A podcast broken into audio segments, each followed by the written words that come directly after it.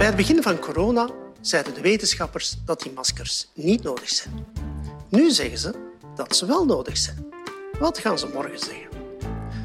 Lange tijd hebben ook de wetenschappers ons verteld dat het universum bewoog. Dan zeiden ze dat het niet bewoog. Nu nemen ze aan dat het wel beweegt.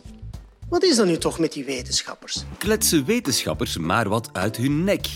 Soms krijg je als leek wel het idee dat die wetenschappers ook maar wat zeggen.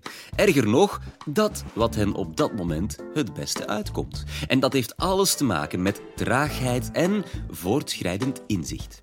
Wat dat betekent, legt wetenschapsfilosoof Gustaaf Cornelis uit. Waarom veranderen wetenschappers zo vaak van gedachten? Dit is de Universiteit van Vlaanderen.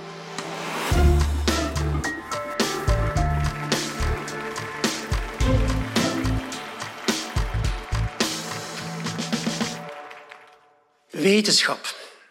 We zijn er al 2500 jaar mee bezig, zou je niet zeggen. Hè?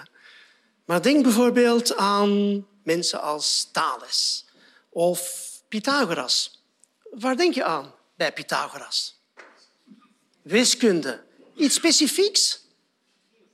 Driehoeken. Hij was inderdaad bezig met driehoeken en met zoveel andere dingen. Maar hij legde de basis van de wiskunde. Vooral het onderzoek naar eigenschappen van getallen. En de wiskunde was vertrokken. In die tijd was ook de biologie vertrokken en de fysica vertrokken en de kosmologie vertrokken. We zijn eigenlijk dus al 2500 jaar bezig. Denk ook aan Aristoteles, denk ook aan Archimedes. We stellen ons natuurlijk al langer vragen dan dat. Hè? Van waar komt de zon op? In het oosten. Ja, maar waarom? En hoe komt het dat we ziek worden? En kunnen we er iets aan doen? En dan is er iets gebeurd in die klassieke oudheid. Dan zijn die filosofen gaan nadenken over is het mogelijk dat in de natuur zelf de oorzaak ligt. Het andere wat ze hebben gedaan is systematisch gaan onderzoeken. En dat is het tweede dus dat ze hebben gedaan. En dan is dus die wetenschap begonnen. Nu, wat ook gebeurd is, in die, eh, vanaf die, die eerste stappen op zoek naar verklaringen, maar ook proberen de wereld een beetje naar onze hand te zetten, is het nadenken over wetenschap. En dan krijg je wetenschapswetenschap of wetenschapsfilosofie. Wat is dat voor iets of wie doet dat? Zo iemand. Een wetenschapsfilosoof. Dus ik hou me bezig met wat doen wetenschappers, hoe doen ze dat en hoe kunnen ze het beter doen. De moderne wetenschap is niet dan 2500 jaar geleden begonnen.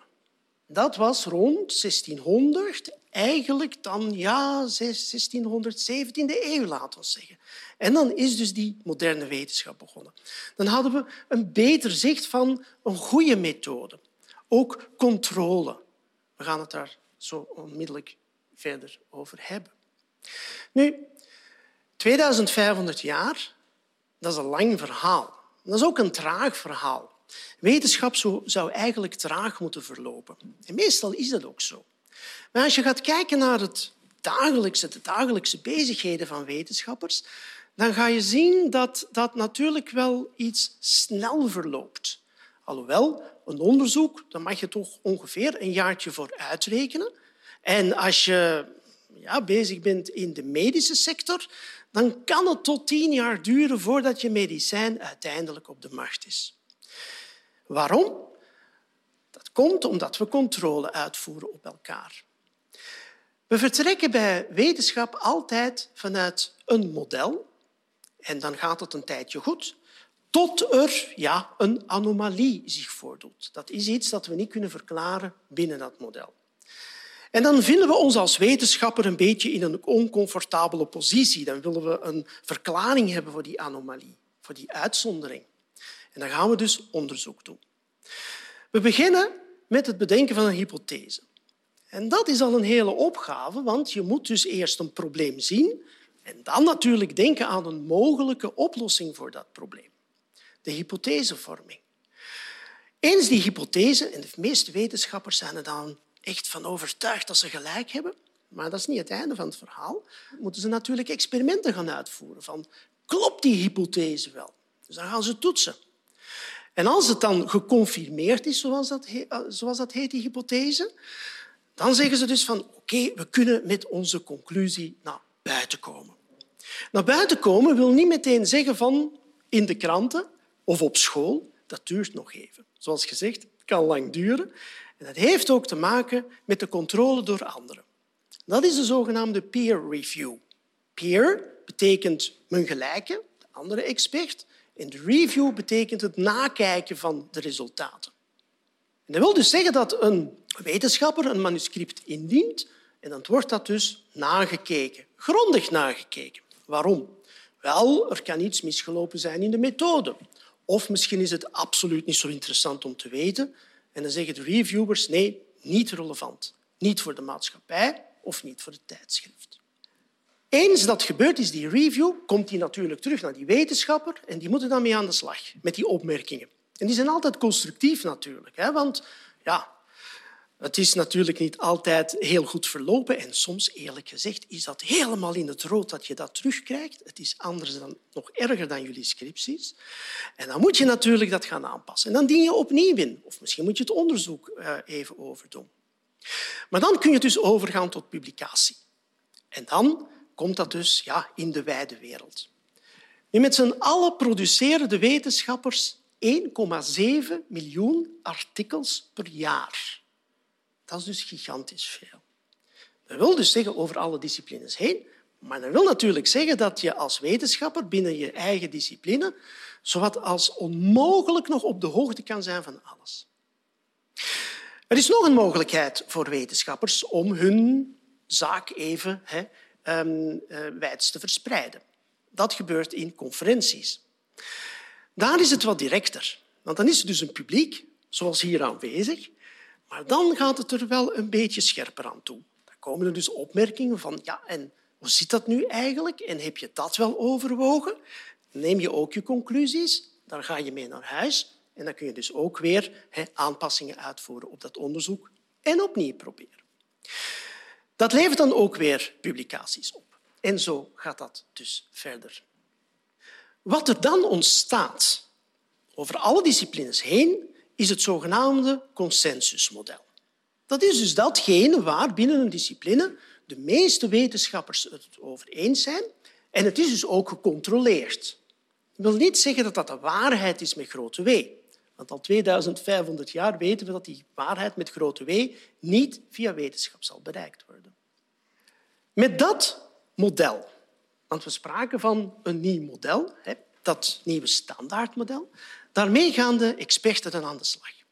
En dat zijn dan die experten die dan voor de leeuwen worden geworpen. Dat zijn dan de journalisten. Of ze kunnen helpen bij de politici om dus een beleid uit te stippelen. Ze vertrekken telkens vanuit dat basismodel. Maar soms is er weinig tijd. Soms is het een crisis en dan moeten ze heel snel op de bal spelen. Zoals gezegd, zijn heel veel publicaties. Soms kan dat bijvoorbeeld voor één bepaald domein tot 20.000 oplopen in een tijdspanne van enkele maanden. Omdat natuurlijk alle wetenschappers, of toch van die discipline, daarop springen. En dus gaan publiceren en onderzoek doen. Die experten moeten dus kort op de bal spelen. Maar ze hebben hun ervaring als expert. En ze hebben dat basismodel waaruit ze dus kunnen vertrekken. Nu, soms natuurlijk wordt ook wel eens naar hun mening gevraagd. En eigenlijk mogen wetenschappers geen mening geven, tenzij ze zeggen van ja, ja, maar dat is mijn mening. Mijns inziens. Dat is nog niet onderzocht. Dat gaat nog komen. En dan is het oké. Zolang dat de luisteraar of de toeschouwer maar weet van dat is de persoonlijke mening. Maar meestal zullen die experten altijd, zoals dat heet, spreken in de naam van de wetenschap. Nu, wetenschap werkt. Dat hebben we al 2500 jaar gezien met vallen en opstaan. Soms moeten we dingen compleet herzien. Ik zal een voorbeeldje geven. Iedereen kent wel Newton, de gravitatiewet. Kan iemand mij de formule geven? De aantrekkingskracht tussen twee massa's is evenredig met het product van die massa's gedeeld door de onderlinge afstand in het kwadraat. Hebben we allemaal geleerd. Ja, toch? Oké. Wat is nu daarmee aan de hand? Dat was 1700. In 1900, iets daarna, kwam Einstein, relativiteitstheorie. Er werd niet gesproken van gravitatiekracht. Er werd gesproken van massa kromt ruimte. Niks aantrekkingskracht. Dat is een illusie. En dan kun je natuurlijk zeggen, ja, Newton had het mis. Maar gegeven in die tijd kon hij niks anders weten en bedenken. En dat werkt dan wel een tijdje. En dan komen er anomalieën. En dan moet dat model herzien worden. En in mijn kleine verhaaltje hier krijg je dan Einstein. Hmm. Zou het dan kunnen dat Einstein het mis heeft binnen afzienbare tijd? Wel, ik heb geen glazen bol.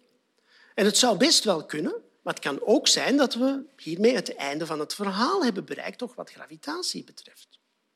Nu natuurlijk, en dan wil ik terug eh, even naar dat eh, modelletje van, van Newton naar Einstein, dat is 200 jaar. Maar vandaag verwachten wij van de wetenschappers dat ze soms op 200 dagen met nieuwe resultaten komen. Dus we willen echt dat ze heel snel werken. Maar het zijn allemaal mensen. En wetenschap is mensenwerk. Dat betekent dus ja, dat er ook wel eens slordigheden kunnen in, in uh, en dat ze kleine foutjes maken.